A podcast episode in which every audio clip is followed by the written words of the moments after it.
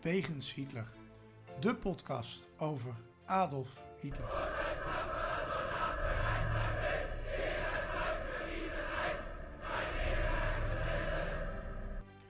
Dictator, alleenheerser van 1933 tot 1945. Een man met miljoenen doden op zijn geweten. Das war ein Befehl! Der Angriff Steiners war ein Befehl! Een man waar ongelooflijk veel verhalen over te vertellen zijn. Ook al die jaren na zijn dood. Adolf Hitler heute Nachmittag seinen Befehlsstand in der Reichskanzlei bis zum letzten Atemzuge gegen den Bolschewismus kämpfen für Deutschland gefallen ist.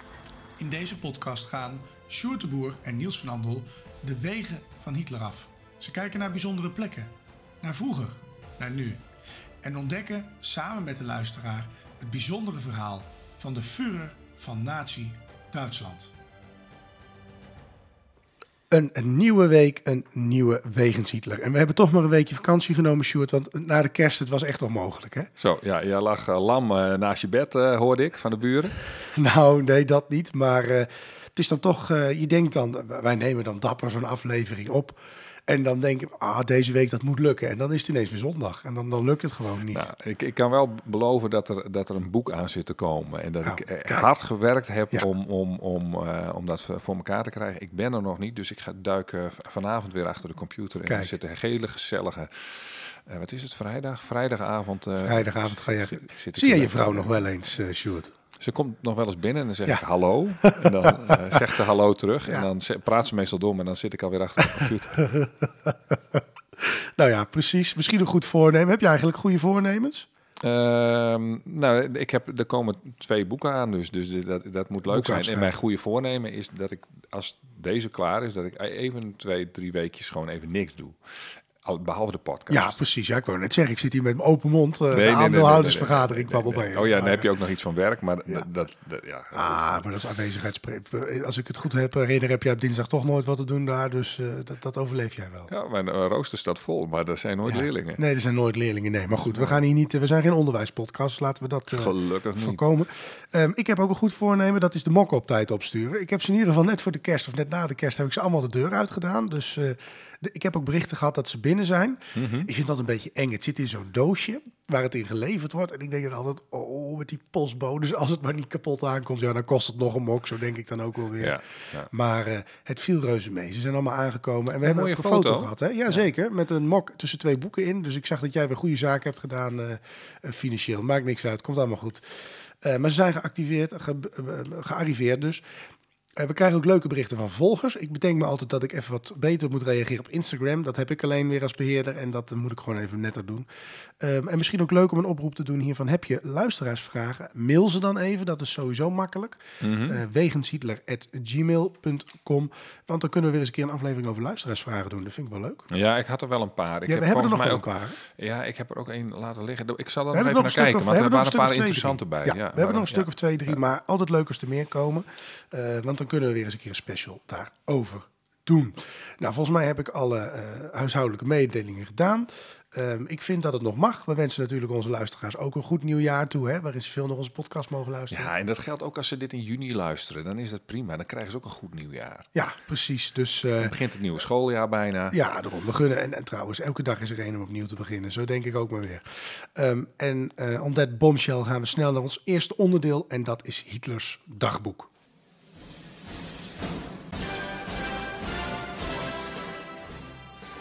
Hitlers dagboek. Het leven van Hitler duurde 20.463 dagen. Wat deed Hitler op deze dagen? Waar bevond hij zich? En vooral waarom?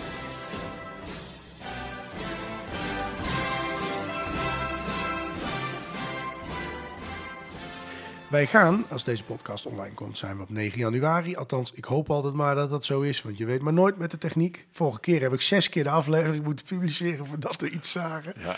Was ik wel een keer op tijd, is het weer niet goed. Nou ja, het gebeurt. Ehm, eh, maar we gaan nu naar 9 januari 1939. Dus, dus vlak voordat de oorlog begint. We zijn in Berlijn En eh, we gaan naar de inwijding van de nieuwe Rijkskanselarij eh, aan de Vosstraatse. Wat was er eh, allemaal gebeurd, George? Ja, nou dat was leuk. Ik was, januari, december is gewoon, daar gebeurt niet veel.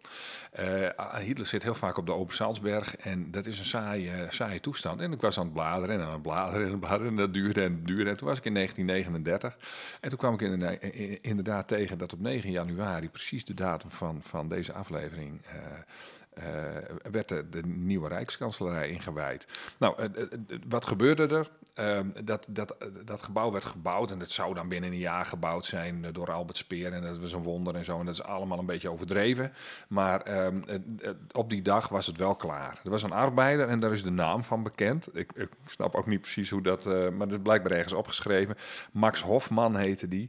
Geen familie van de fotograaf, denk ik. Die overhandigt Adolf Hitler dan de sleutel van, van het pand en dan gaan ze binnenkijken. Nou, dat gebouw dat, dat ging over de hele, stond over de hele Vosstrasse, stond 400 meter lang.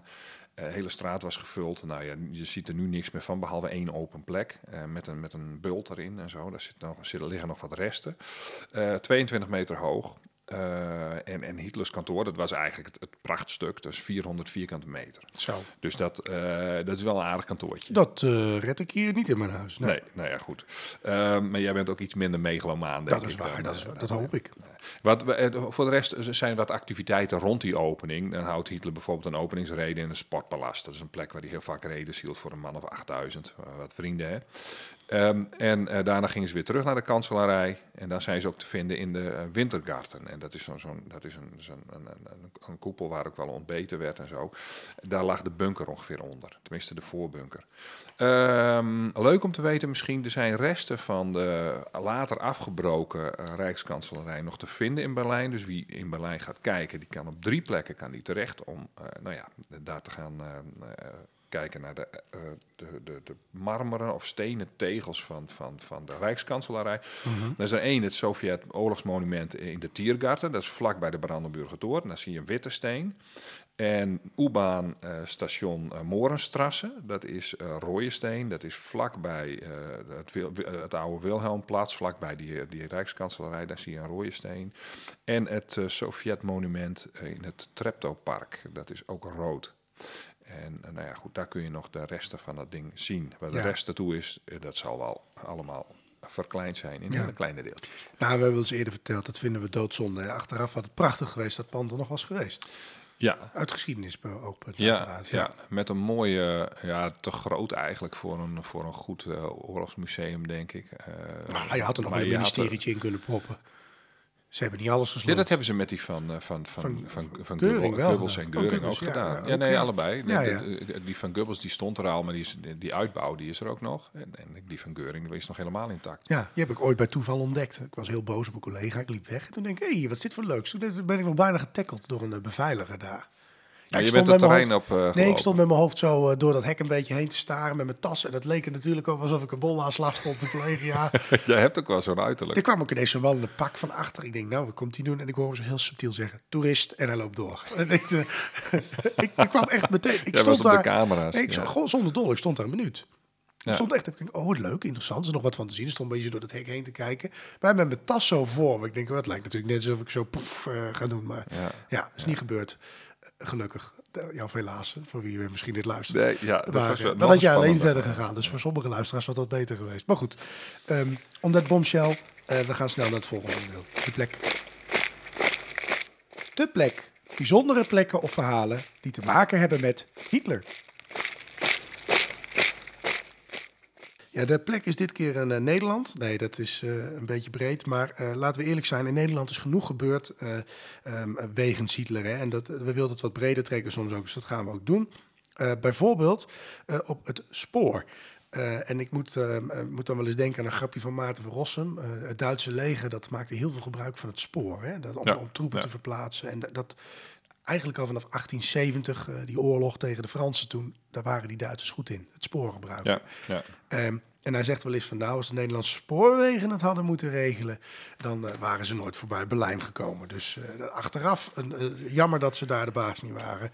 Ehm, Maar goed, het is Nou, niet we gaan zo. het zien. We gaan Daar gaan we het nu namelijk wel over hebben, die Nederlandse spoorwegen. Is dat helemaal waar? Want we hebben aandacht voor die Nederlandse spoorwegen tijdens de Tweede Wereldoorlog in de plek. Ehm, en de plek is iets, iets, iets concreter, want de spoor is niet echt een plek natuurlijk, is kamp Westerbork, het, het doorvoerkamp naar de concentratiekampen in het oosten. Vertel, Stuart. Ja, ja direct na de, na, in het begin van de oorlog speelde het Nederlandse spoorwegennet wel een rol. Hè. Eh, Op één na werden alle bruggen eh, over de grote rivieren opgeblazen. Nou, dat gebeurde natuurlijk daar in het begin. En het doel daarvan was de Duitse panzertreinen dat die niet verder konden komen. Nou, dat was wel een misvatting. Eh, en, en, want kijk, de Grebbelinie en de Waterlinie die hielpen ook eigenlijk niks. En Duitsers kwamen over de weg of landen met eh, parachutes achter de linies. Ja, nou is dat natuurlijk eh, wat gechargeerd. Er is er trouwens wel eentje die, dat vertel ik eens, eentje niet opgeblazen. Ik geloof bij... Ja, eh, eentje niet. Nee, klopt. Ja, de, ja. De, de Space. De, nou, er is er één net over de grens. Daar is zo'n Duitse panzertrein overheen gekomen. Want ze waren te laat met opblazen. Toen kwamen er allemaal troepen uit. Toen werden ze overgenomen. En toen is die trein toch nog ontspoord vlak daarna. Oh ja. Dat is een heel mooi verhaal. Maar dan moet je de, de oorlog, een, NTR-serie, daar wordt helemaal Ja, ik zag, ik zag de naam staan, maar ik, die heb ik Ja, verder nee, genegeerd. en Dat, ik weet eh, het ook niet meer. Dus, eh, nou ja, goed, eh, interessant. Je hebt geen mokken meer, hè? Eh, nee. Ja, nou ja, we kunnen ze bestellen natuurlijk. Hè. We kunnen nieuwe bestellen. Dus, eh, Maar goed, eh, laten we dat voor een leuke vraag bewaren. We hadden nog een boekje liggen. Eh, ja, we hebben nog boeken. We hebben alles. We hebben, wat hebben we allemaal? Ja, een boekje.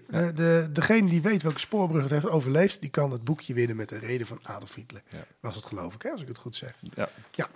Ehm, nu zul je denken, nou, Nederland wordt overgenomen. eh, maar gaat dat NS-personeel dan door met werken? Hè? Want ehm, eh, zeker in die tijd, de NS was een Nederlands eh, overheidsorgaan eigenlijk. Hè? Niet zoals nu, echt een bedrijf, maar meer een onderdeel van de staat. Ehm, daar had de Nederlandse regering wel in voorzien. Wat gebeurt er als het, land, het vaderland toch bezet wordt? Er waren allemaal regels voor. Ehm, en eh, mijn geheugen schiet me tekort. Ik heb hier recent over gelezen. Ehm, maar nou, er was wel nagedacht over wat nou als het bezet wordt. Nou, in principe mogen alle ambtenaren er gewoon doorwerken. Dat geldt dus ook voor het NS-personeel. Eh, er was nagedacht over samenwerking met de bezettende macht. Eh, wat stond er nou in? De NS kon gewoon doorwerken voor een bezetter als het werk in de behoeften van de bevolking voorzag. Ehm, ehm, zoals, zolang dat werk dus maar niets te maken had met oorlogshandelingen. Dus eh, er waren ook bedrijven die maakten laarzen voor het Duitse leger. Dat mocht dan weer niet.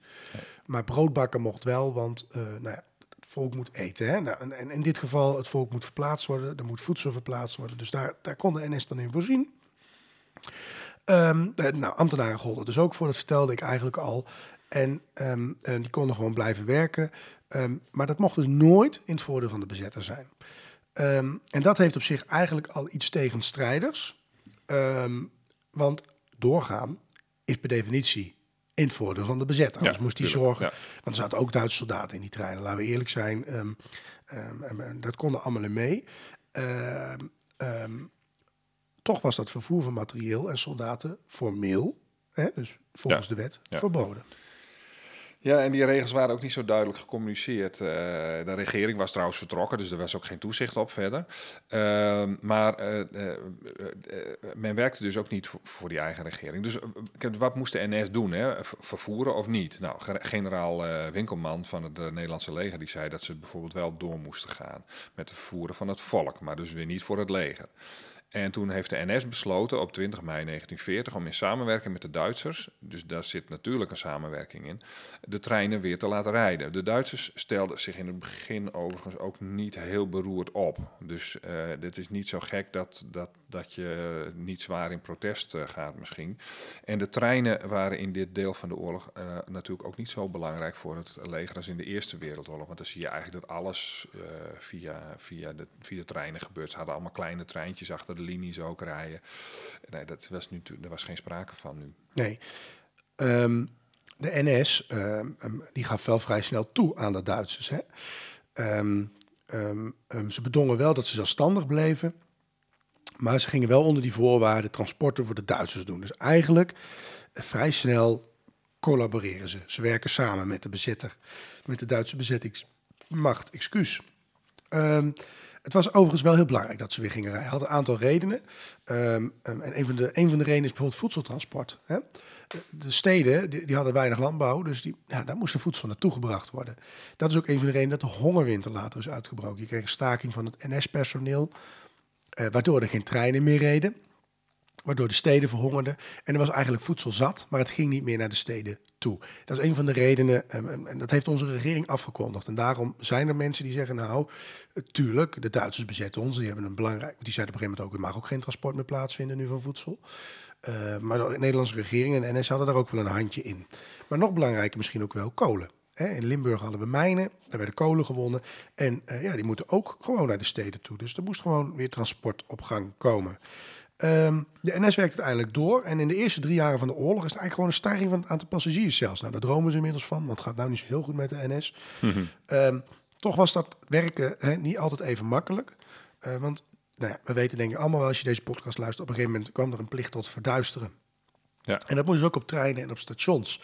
En dat maakte het niet altijd even makkelijk. Nee, lijkt me een uh, link, linkersoep, zeg maar. Er komt een trein aan, maar je ziet hem niet. Nee, ja, we hoorden hem wel natuurlijk. Ja, ja, dat, ja, ja. dat het waren niet echt stille treinen natuurlijk. Nee, nee dat is waar. Nee, goed. Het uh, eh, NS-personeel deed voor het grootste deel niet mee aan de februari-staking trouwens, in 1941. Er werd toen wel wat sabotage gepleegd. Uh, er was personeel dat informatie over transporten doorgaf, bijvoorbeeld aan de Britten, dat had je wel. en wat ook wel interessant is, gezochte Nederlanders, die, nou ja, de Duitsers waren naar ze op zoek, die kregen dan bijvoorbeeld een baan in een nachtploeg van de spoorwegen. Nou, voor de rest had je natuurlijk treinen lopen, dus kon je ook illegale kranten verspreiden.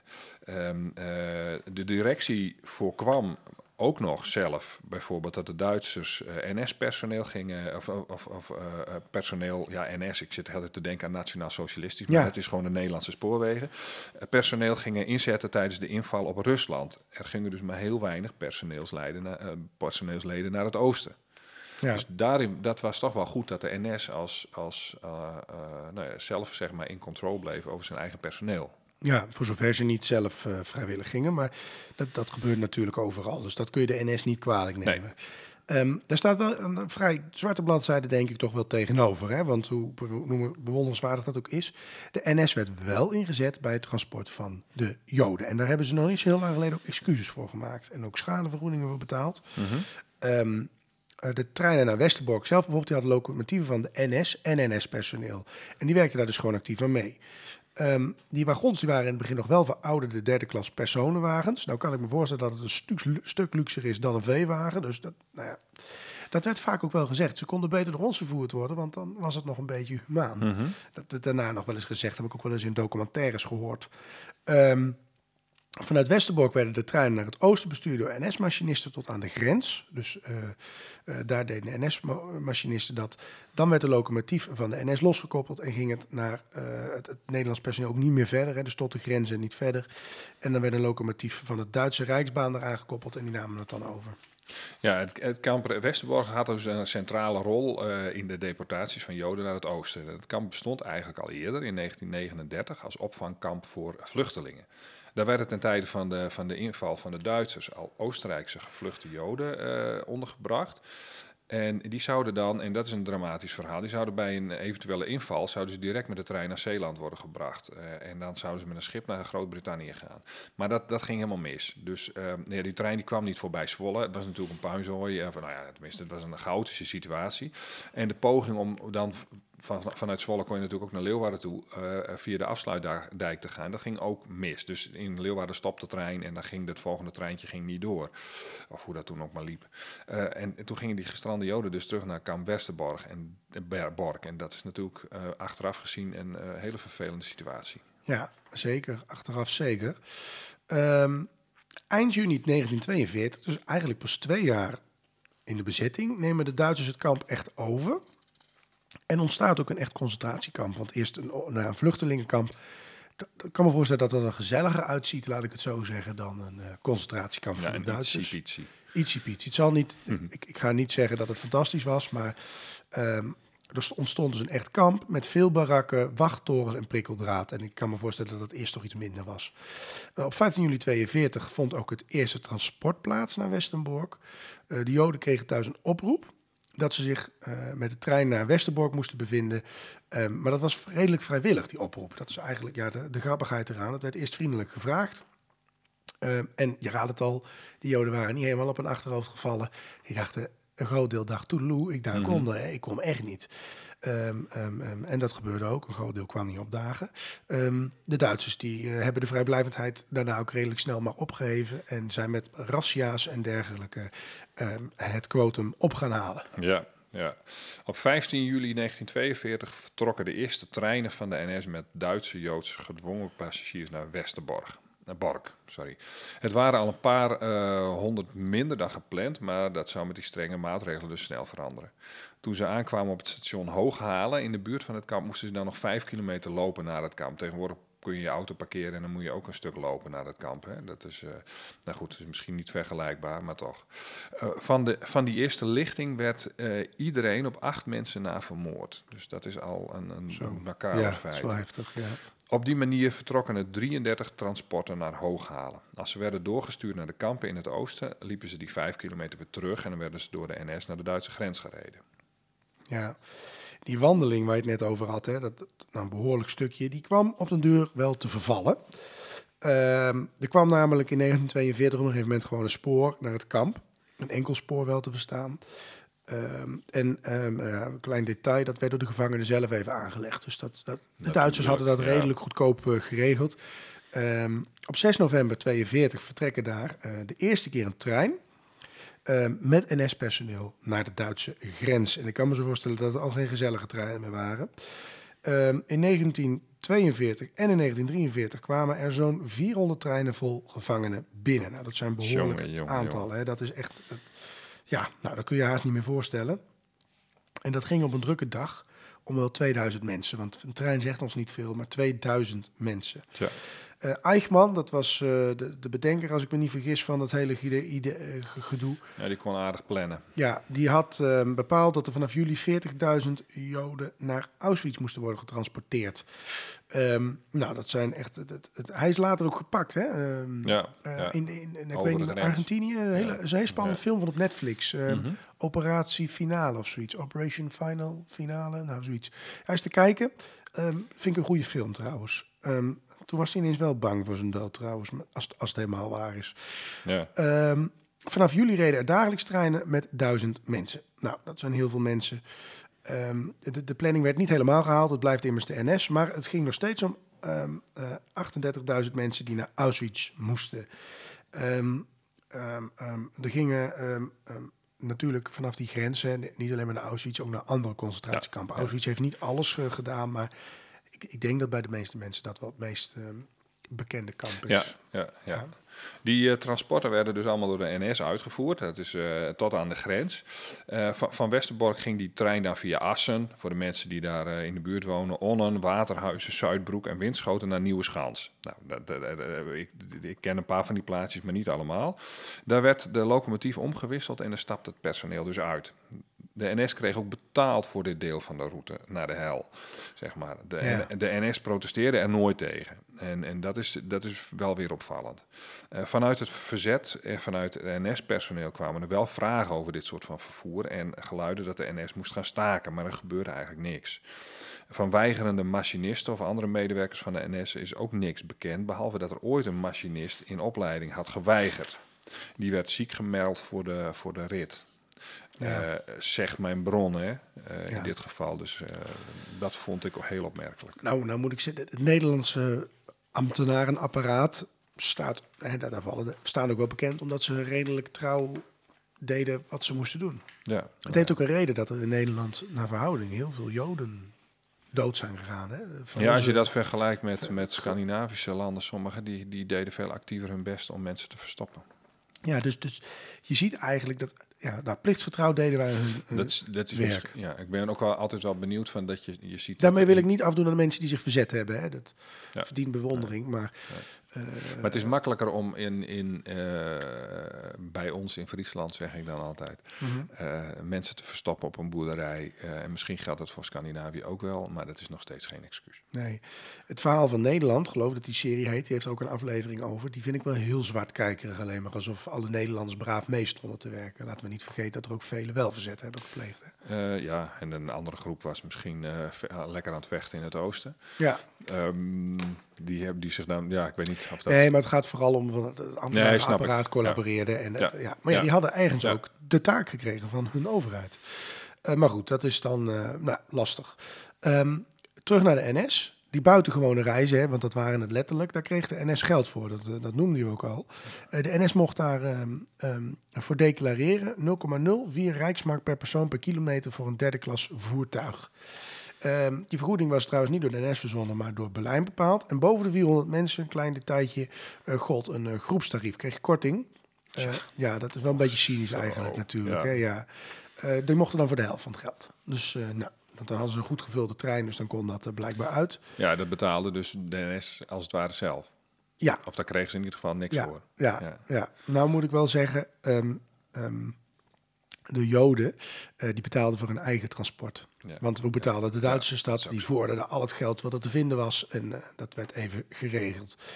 Um, nou noemden we net eigenlijk al dat dat derde klas wagons waren. Ik, ik, heb daar geen beeld bij. Ik kan me wel voorstellen, niet heel luxe, maar dat dat beter is dan zo'n nee, veewagen. Er stonden wat bandjes in, weet je wel. Ja, nou goed, je kon zitten en het was beter voor elkaar dan niks.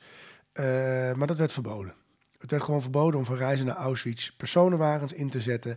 Het transport werd steeds meer gedaan met goederenwagons en uh, wagons voor veevoer, zoals we het kennen van de beelden. En het werd dus zelfs verplicht op een gegeven moment. Um, wat veel mensen zich eigenlijk niet realiseren, is dat voor transport van militairen en burgers eigenlijk ook best wel op een gegeven moment gebruik moest maken van dat soort wagons. Er ging natuurlijk dingen stuk, repareren werd steeds moeilijker. Um, um, maar goed, je kunt je wel voorstellen, in, iedereen kent denk ik wel die beelden van die volgepakte treinen. Uh, dat was natuurlijk niet zoals het leger erin moest. Dan, dan, dan werd daar wel wat meer uh, luxe gereisd, laat ik ja, het maar zo zeggen. Ja, ja. Ja. In september 44 zaten er nog 4000 mensen in het kamp. Het kamp zou toen opgeheven worden en de laatste gevangenen zouden ook op transport gaan. Men dacht dat de bevrijding toen snel ging, uh, zou komen, maar die was te laat. Uh, uh, tenminste, men dacht dat die zou komen, maar die kwam dus niet. Op 3 september werden 100 mensen naar Auschwitz gestuurd, waaronder ik denk dat er een nulletje ontbreekt, dat moeten er duizend zijn. Uh, waaronder Anne Frank, haar zus en haar moeder. Dus dat, zijn de, dat is een heel bekend transport. En uh, zo cynisch dat het zo op het randje nog was.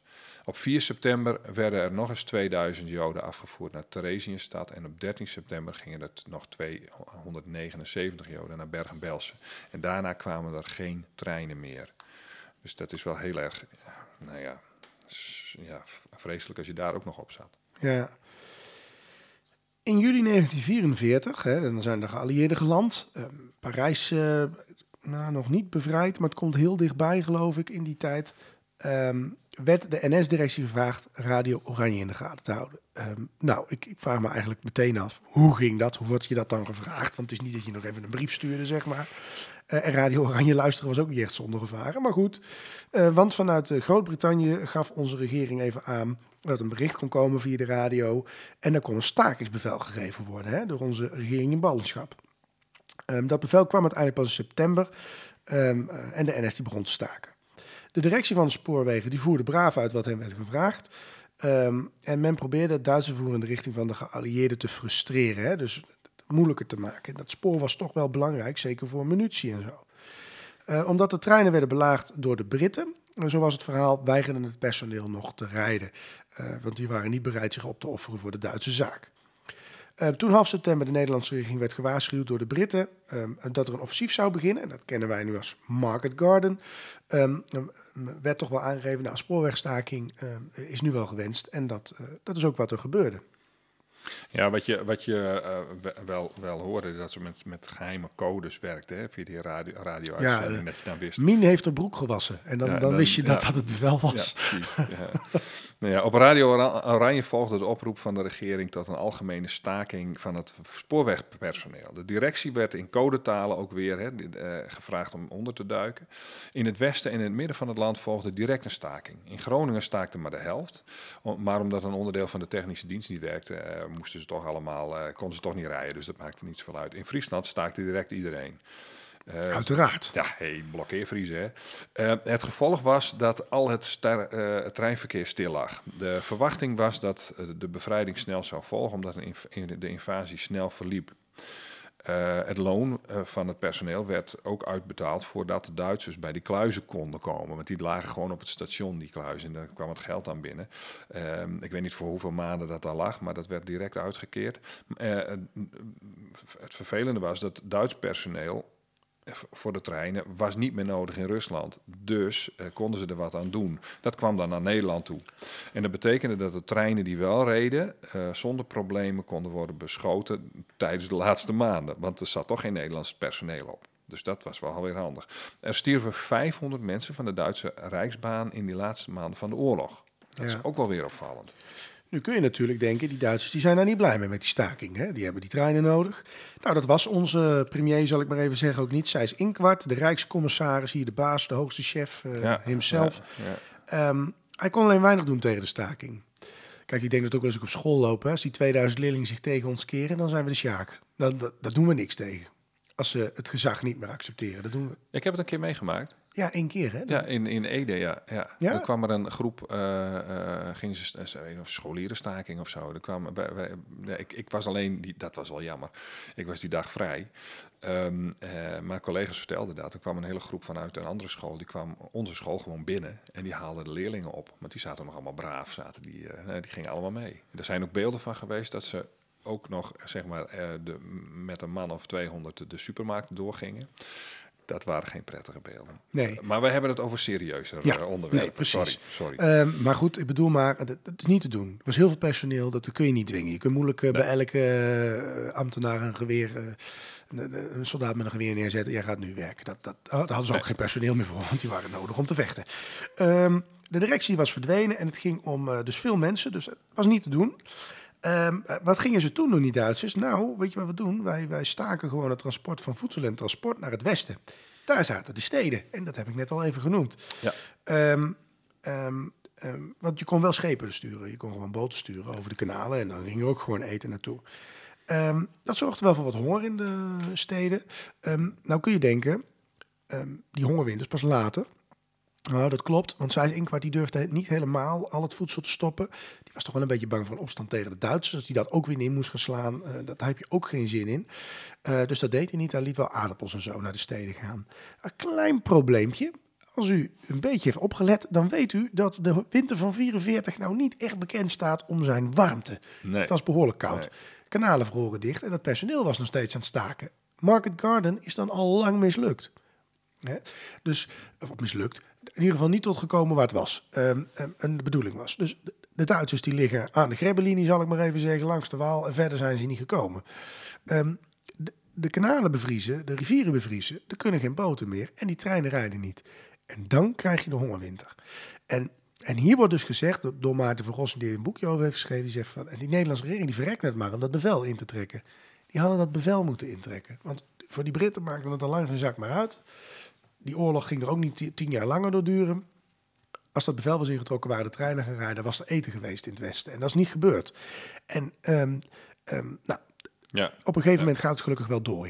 En, en dat, dat is heel fijn geweest, anders was die oorlog nog erger geweest. Dus de hongerswinter, en dat, dat, dat wordt dus gesteld, is deels ook de schuld van de Nederlandse regering. Omdat zij de NS bevolen Ja, ja, ja, ja. Dus, dus of die staking effect heeft gehad dat, eh, op de oorlogsvoering. Zeker. Dat is echt een punt van discussie, hij, zeg heeft, maar. nou, eh, hij, heeft wel, hij heeft wel effect gehad op de Nederlandse bevolking zelf. Ja, die nou ja, verhongerde. ja, en ik dus weet niet- ja. 100.000 doden of zo. Heel veel doden in ieder geval. Ja, eh, ja. ja, Misschien, misschien had, het, had zo'n staking wel een soort psychologisch effect, zou je misschien nog kunnen zeggen. Maar eh, ja, die kon dus ook zijn eigen personeel inzetten. En, en, eh, en, en, en nou ja, de vraag is dus hoeveel erger die hongerwinter door de staking is geweest. Dat weten we ook niet. Maar eigenlijk zegt Maarten van Rossum, ja, eh, dat had wel degelijk effect. Eh,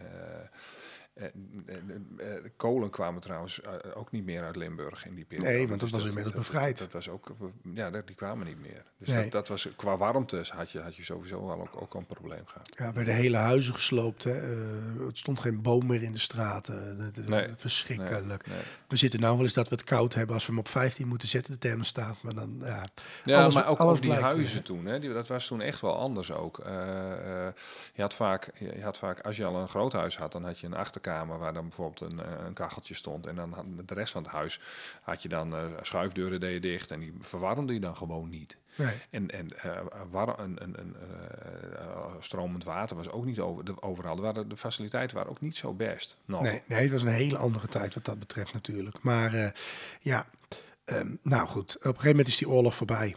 En ehm, in ja, 5 mei, bevrijdingsdag natuurlijk.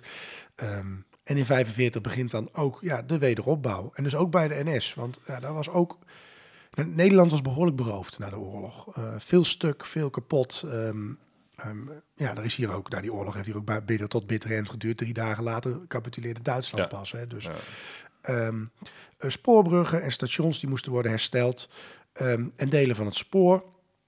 Het spoor naar het kamp Westerbork, dat is wel afgebroken al in de zomer van 1946. Eigenlijk historisch gezien jammer, want qua educatie... Ja, je krijgt nog- daar allemaal bijgedachten bij, maar het, er werd gewoon heel veel opgeruimd, Ja. denk ik hoor. Gewoon Ja. heel, heel Nee, ja, tuurlijk. En eh, laten we eerlijk zijn. verhullen of zo. Nou, misschien Eh, ook. Ik denk maar- het niet, maar het schijnt ook dat die spooronderdelen, dat die, eh, dat die gewoon gebruikt werden op al andere plekken. Nou, ik kan me voorstellen, materiaal was schaars. Dus Ja. ik, ik, ik, ik denk niet dat daar diepe gedachten bij zat. De NS had schade geleden, maar het had ook wel winst gemaakt tijdens die oorlog. Het is niet dat het failliet ging. Ehm, ehm, en dus over de rug van de Joden hebben ze dus gewoon geld verdiend. Ehm, de staking die was overigens wel een bewijs van, eh, van durf en goede wil. Want je moet, ja, als die Duitsers kwaad willen, die waren niet vies van wat schieten. Maar ik vind toch wel dat het feit dat maar één machinist, in ieder geval volgens onze bron, weigerde eh, een locomotief van de Joodtransport te besturen. Dat is eigenlijk, als we heel eerlijk zijn, beschamend.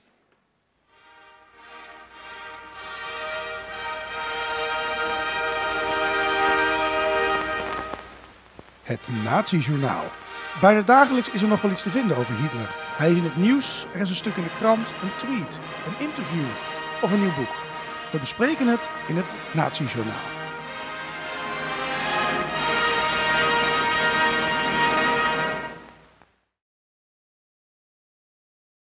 Het Nazi-journaal met een aantal eh, ja, eh, nieuwsberichten slash eh, dingen die we hebben gezien. Eentje kan natuurlijk niet ontbreken. de, de leuzen op de Erasmusbrug in Rotterdam die te zien waren. Er stond onder andere Vrolijk Blank 2023. Kan ik nog om lachen. White Ja. Lives Matter. Nou, ik, ik moet wel zeggen dat ik toen op een gegeven moment dat Black Lives Matter ook wel een beetje had van zeggen, doen bestaan wij ook. Maar goed, ehm, en Zwarte Piet deed niets verkeerd. Ja, nou ja, wat, wat, wat vinden we er eigenlijk een beetje van? Vind je, dit, vind je dat schokkende zaken? Ehm, nou, die drie interesseren me ook niet zo heel erg veel. Eh, maar ik nee, vrolijk blank 2023. Natuurlijk vrolijk blank, vrolijk black, vrolijk alles.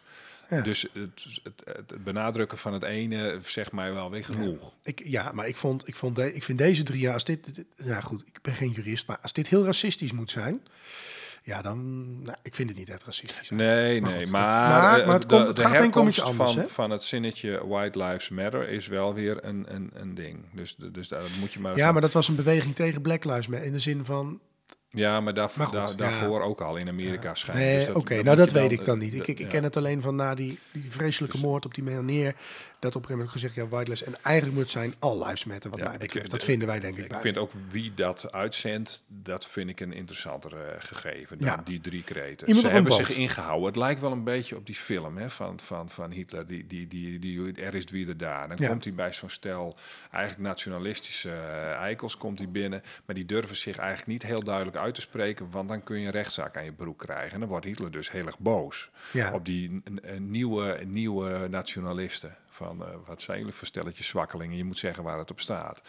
Daar, daarom zeggen wij van deze drie zinnetjes. Misschien, ik weet niet precies wat je bedoelt. Nee. Maar het is wel duidelijk in welke hoek je zit. Nee, dit zijn wel mensen natuurlijk die er iets anders mee bedoelen. Maar de zin op zich, nou ja, prima. Waarschijnlijk vanaf een boot. Want eh, je ziet ze nogal bewegen, die, eh, die woorden. Ja, goed, ik denk dat wat een knulligheid. Maar ehm, Hadden wel een dure machine aangeschaft daarvoor. Dat want anders is- krijg je dat- dat er nooit. Een nee, paar duizend dat- euro, hè? dat- Dat, ja. eh, las ik ook. Ja, goed, dat soort bewegingen, dat, dat, eh, dat komt geld zat voor. Maar waarom in dit natiejournaal? Want het heeft niks met de naties te maken nou. Ehm, dat heeft te maken met de 14 woorden. Ehm, ehm, daar staat, we must secure the existence of our people and the future for white children. En, en dat, dat is wel racisme, denk ik. Ehm, deze zin die staat ook wel bekend als de 14 woorden en is erg populaire slagzin onder de neonazies wereldwijd en wordt aangeduid met alleen 14 of 14 words of de hele zin. En met Nee, de hele zin stond er niet op, dacht ik. Hè? Of Nee, stond er alleen stuks. 14? Ja, ik heb wel, stuk- we must dat weet ik secure heb ik wel gezien, maar ik Oh, moet eerlijk zeggen dat ik vrij snel... Oh, daar stond hij er helemaal op, dus blijkbaar. Ik heb wel iets met secure gezien, ja. Oh, en ik, ik, oké. ik moet eerlijk zeggen, ik heb het weggeklikt. Ik dacht, nou ja, goed, als dit het belangrijkste is waar we ons druk om maken in het vaderland, dan eh, dat iemand een paar zinnen op een bord projecteert. Eh, neem niet weg dat wat erachter staat vreselijk is natuurlijk. Hè. Ehm, ehm, met deze tekst, eh, want waar staat hij nou eigenlijk voor, dat hebben we natuurlijk even opgezocht. Spreken de blanke racisten zich uit tegen de vermenging van het in hun ogen superieure blanke ras met andere in hun ogen inferieure rassen. Ha. Dat hebben we eerder Kijk. gehoord. Ja, hè? Ja, nou, dat, dat is allemaal boeken van en eh, allemaal heel interessant. eh, maar het komt eh, van white supremacists, dus mensen die geloven in het, het Ku Klux Klan hoor ik ook. Ku Klux Klan en dat soort dingen. Ja, en, en een interessant feitje ook over die man, die, dat, eh, die, die David Lane, toch? Ja, David Lane, ja. Ja, die die, die, die eh, heeft ooit een levenslange gevangenisstraf gekregen voor het liquideren van een Joodse radiopresentator. Ja, nou, Dus we zitten wel echt in de foute hoek hier. in de foute hoek. En laat dat voorop staan. Het zijn foute mensen, foute hoeken. Eh, en daar vonden we het ook wel hier passen. Want je, je ziet dus eigenlijk ook die haat tegen rassen, de vermenging en zo, die is er nog steeds. Ja. En als er mensen zijn die zeg maar die zich tot aangetrokken voelen of zo, en, maar dat niet helemaal zo bedoelen, moeten ze zich wel eh, beseffen dat eh, vooral die 14 woorden, waar uit welke hoek die komen. Ja, dat Dus, wel, zeker. Het, ja. het lastige vind ik wel, ehm, ik, ik kan me hier zo weinig bij voorstellen. Ik heb als ik in zo'n kamp loop, ik heb er twee, drie keer gelopen in mijn leven, in verschillende, op verschillende plekken. Het enige wat ik me heel tijd afvraag is, hoe kan een mens een mens dit aandoen? Ja. Ik vraag me echt af welke kronkel heb je in je hersens als je, nou, als je dan denkt tot, eh, tot 40, nou oké, prima. Hoe erg kan het zijn? Al waren daarvoor al gigantische rassenmoorden geweest, eigenlijk in de hele geschiedenis. Het zijn ook heel vaak de Joden die de Sjaak zijn. Ehm, Maar als jij dat niet voelt, zeg maar. Ja, maar je van de na, na. Nee, maar als je daar bent, dan betekent dat misschien ook wel voor, voor anderen die, eh, eh, die dit soort dingen roepen, dat ze niet doorhebben wat het effect ervan is, eigenlijk. En, en hoe, dat, hoe dat is. nee, maar ik, ik kan Of me zo? gewoon niet voorstellen, als je weet wat er is gebeurd in 40, 45, dat je dan nu nog steeds dat kan roepen. Want blijkbaar zijn we er toe in staat als mensheid. Om Ja. zo. Dus dit, Ja, nou, het heeft iets engs. Ja, het heeft Ja, iets heel engs. Dus eh, heel fout natuurlijk. die drie zinnen, nou oké, maar die ene zin van die 14 woorden, dat is wel, nou ja, vreselijk. Ehm, wat vrolijke nieuws hebben we ook. Ehm, die stond in de Gelderlander, of op Omroep Gelderland. De natieschat met gigantische waarde Ja. begraven in de Betuwe. Ja, dat dat heb je allemaal op het nieuws kunnen zien natuurlijk. Ja, We, we kunnen er zo wandelend even langs. Ja, precies. Je schep? Ik heb een schep bij me en een metaaldetector. Er zou een natieschat van miljoenen euro's in Ommeren liggen.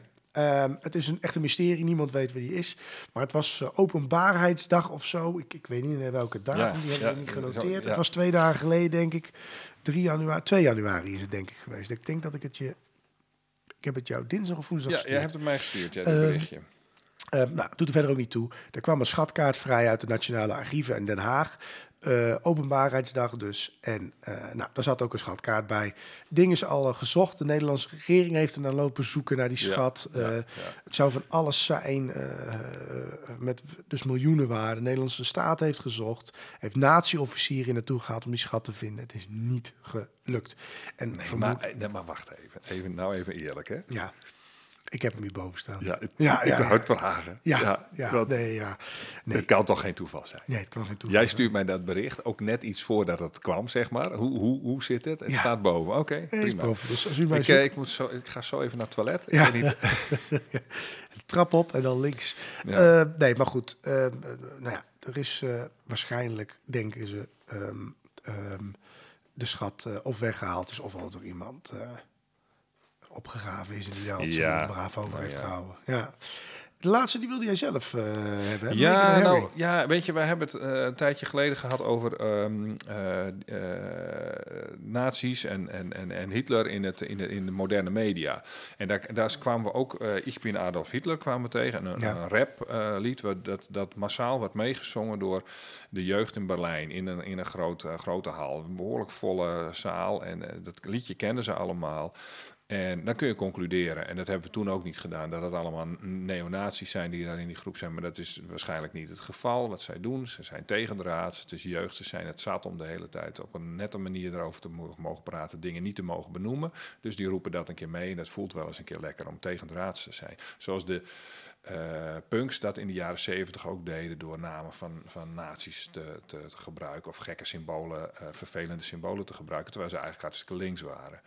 Ehm, en, en dan komt dat verhaal van die, eh, van die Meghan en, en Harry komt dan naar voren en dan rakelen ze weer dat verkleedpartijtje van, van, die, die, van die jongen op. Maakt het hem een nazi? Maakt het hem, moet je het de hele tijd noemen?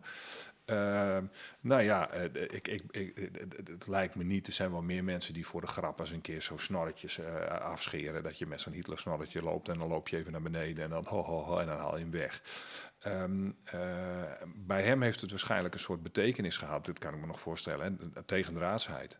Gewoon, het is meer tegengericht tegen het koningshuis en eh, tegen, tegen, eh, eh, dan, dat het, dan dat hij daarmee iets. iets het, is, het is alleen ontstellend stom vanuit, Ja, van vanuit, een je, vanuit je, je opgedrongen positie die je hebt, natuurlijk. Maar daar is het ook misschien wel een. en het, het, al- ik vind het steeds herhalen van dat soort feitjes, wat je in het nieuws natuurlijk vaak ziet, dat vind ik heel vervelend. Maar die jongen die wil dat natuurlijk niet. Die, die, die, die, het was, het was, ja, misschien was hij toen gewoon eh, een beetje opstandig. Of weet Ja. ik veel wat. Nou, Nou, en- eh, allemaal steeds herhalen en dan eerlijk zijn, allerlei analyses over te, ja. te- over te doen. Eh, bekijk gewoon even wat er in verschillende groepen gebeurt. En als je ook maar iets roept tegenwoordig, dan word je aan de schandpaal genageld. En eh, dat, hoeft, dat hoeft niet. En soms roepen mensen hele harde dingen, ook op, op een podium, ook bij cabaret, en weet ik veel wat allemaal. Maar kijk even wat de bedoeling daarvan is of zo. Ja, eh, van, van, ik vind het wel heel stom. Ja. Heel stom en tegelijkertijd houden we zo wel op. ja, dat is ook waar. Nou, en daarmee sluiten we af. We houden op over eh, zijn eh natiepak. We gaan naar het laatste onderdeel van nu naar vroeger.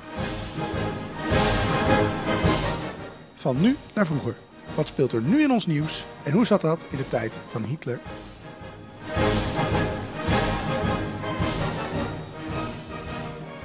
Ja, we gaan naar ehm, ehm, ja, de dieptepunt weer die oorlog daar in Oekraïne. En ehm, daar zijn, ehm, nou, het stond twee weken terug denk ik op de NOS, 25 martelcentra ontdekt in de regio Kharkov. Ja. Ja, en ehm, nou, eh, daar hoeven we verder denk ik niet over uit te wijden wat er allemaal gebeurt. Niet zo heel erg fijn.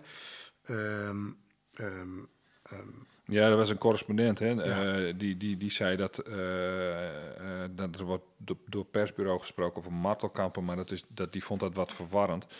En een kamp eh, suggereert dan iets heel groots, maar wat je vaker ziet, zeg maar, ik weet niet of dat eh, erger is of minder erg. Mensen die zitten dan heel erg dicht opeengepakt in kelders en in, in schoollokalen of appartementen of andere ruimtes zonder voorzieningen en zo. Eh, en geen water, geen wc en dat, nee, en niet, niet of nauwelijks te eten. Dus het is geen kamp, maar het is eigenlijk nog provisorischer dan dat. ja, En precies. daar het werden is ze dan, zeg maar, omdat ze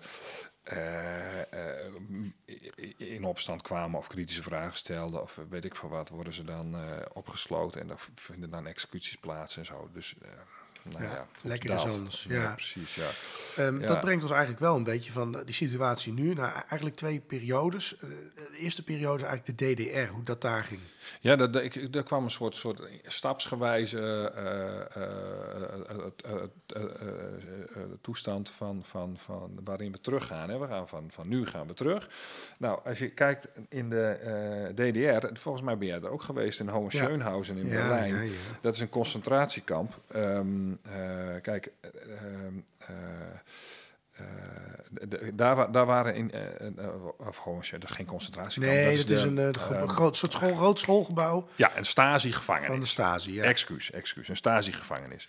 Eh, en daar werden ook eh, eh, in de tweede fase van die gevangenis werden een soort psychologische martelingen vonden daar plaats. Dus dan, dan werd je ze- sowieso in een busje gestopt en dan reden ze door Berlijn heen eh, van, de Stasi en dan, en, en dan, en dan had je geen, geen idee waar je naartoe ging, maar het le- leek heel lang. En dan kwam je vo- volledig gedesoriënteerd kwam je daar aan en dan ging je in gevangenis in en dan wist je ook niet precies waar je was, want men wist eigenlijk niet waar Hohenschönhausen was. En eh, eh, dan kreeg je ook, werd je ook verhoord. En dan hadden ze van die technieken met, met de telefoon. Hè. Dan, dan, dan wa- was, was iemand aan het bellen. En dan deed hij net alsof hij belde met iemand die informatie had over je vader. En dan kwam jij daar zitten. En dan moest je je mond houden en je handen zo onder je benen doen. En dan, eh, oh, oh, is hij ziek, weet je wel, zei hij dan. Of dan, nou en dan hangt hij op en dan heb jij het idee, oh shit, wat is er met mijn vader aan de hand? En zie ik hem nog wel? En nou, dat soort trucjes. En dan, nou, dan kon het ook zijn dat het gesprek verder niet plaatsvond en dat je meteen weer weg kon.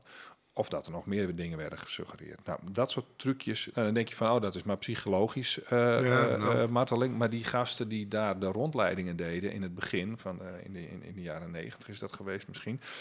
Daar kon je nog bijna aan zien dat ze het heel erg vonden. Ik heb ooit een keer zo'n rondleiding gehad. Zo'n man die, die was echt heel gespannen ook nog. Eh, die, dit was een soort therapie voor hem om dat te doen. Ik heb hem jaren later weer gezien. Tijdens, toen was die, maakte hij grapjes. Dus er was wel een ontwikkeling in zijn eh, in, in te zien ook. Ehm, nou ja, goed. Als je alleen in de geschiedenis daarvan weer verder teruggaat, want we, nou ja, we Ja. gaan terug naar vroeger, dan had je ook een deel, eh, toen die psychologische dingen nog niet speelden, de- de- had je bijvoorbeeld de duikboot. Dat was het oude deel van de gevangenis. En daar werd ook fysiek gemarteld. Eh, zo- zo- Zo'n cel hebben ze gevonden met, met, met allemaal rubber aan de zijkanten. Nou, er stond gewoon water in. Nee, daar kon je dus niet gaan zitten, je kon helemaal niks. Ehm, nou, dat lijkt me niet prettig. En, eh, vergelijkbaar met wat in, in, in Garkov en zo gebeurde. Een, cel vol met veel te veel mensen. Zonder al te veel faciliteiten. Nou ja, dat. Ja. Ja, en dan kunnen we nog verder terug. Dan gaan we eh, eh, niet naar de oorsprong van marteling, want daar heb ik ook over gelezen. Eh, en en die gaat wel heel ver terug. En wat ze in de middeleeuwen ervan maakten, daar wil je echt niet over lezen. Dat zijn, zijn dingen, daar word je helemaal misselijk van. Maar dat gebeurde in de Derde Rijk, Rijk ook, daar word je ook misselijk van. De, daar hebben we het concentratiekamp Sachsenhausen, ben je ook geweest natuurlijk. Ja. Ehm, ja, heb je die gevangenis toen gezien? ja, volgens mij wel. Ja. Ja, ja. En daarachter stond zo'n paal en daar werd je dan met je armen, die moest, gingen dan achterover. En dan werd je opgehangen. Nou, dan, dan ga je armen uit de kom of eh, je breekt het een en ander. Ja. Dat soort vreselijke eh, plaatjes zie je dan in die gevangenis. En loop je de gevangenis uit en dan zie je die paal ook staan. Je- je- dan zie je ook een bank waarop je vastgemaakt werd om afgeranseld te worden. Dat soort toestanden. Galgen op het centrale plein, want dan werd er iemand te, te dood veroordeeld. En dan niet alleen als je die dan verzamelde, kon je dat zien, maar ook als je gewoon uit je barak kwam en je keek naar het plein, dan zag je hem, nou, bleef hij gewoon nog hangen. Ehm, dus ja, we gaan terug van Oekraïne naar de plek, naar de periode waar wij het over hebben, het Derde Rijk. En ehm, ja, dan kom je dus eigenlijk dezelfde dingen tegen. Het ene nog beroerder dan het andere. Ja, en daarmee komen we aan ui- einde van de uitzending van eh, 9 januari 2023. Eh, waarin we veel hebben besproken. We hebben gekeken naar de rol van de NS. Eh, we weten ehm, ehm, iets over dat de Rijkskanselarij is opgeleverd. En eh, nou, we hebben helaas gehoord over vreselijke martelingen. Ehm, en misschien moeten we dan maar afsluiten met de zin: All lives matter.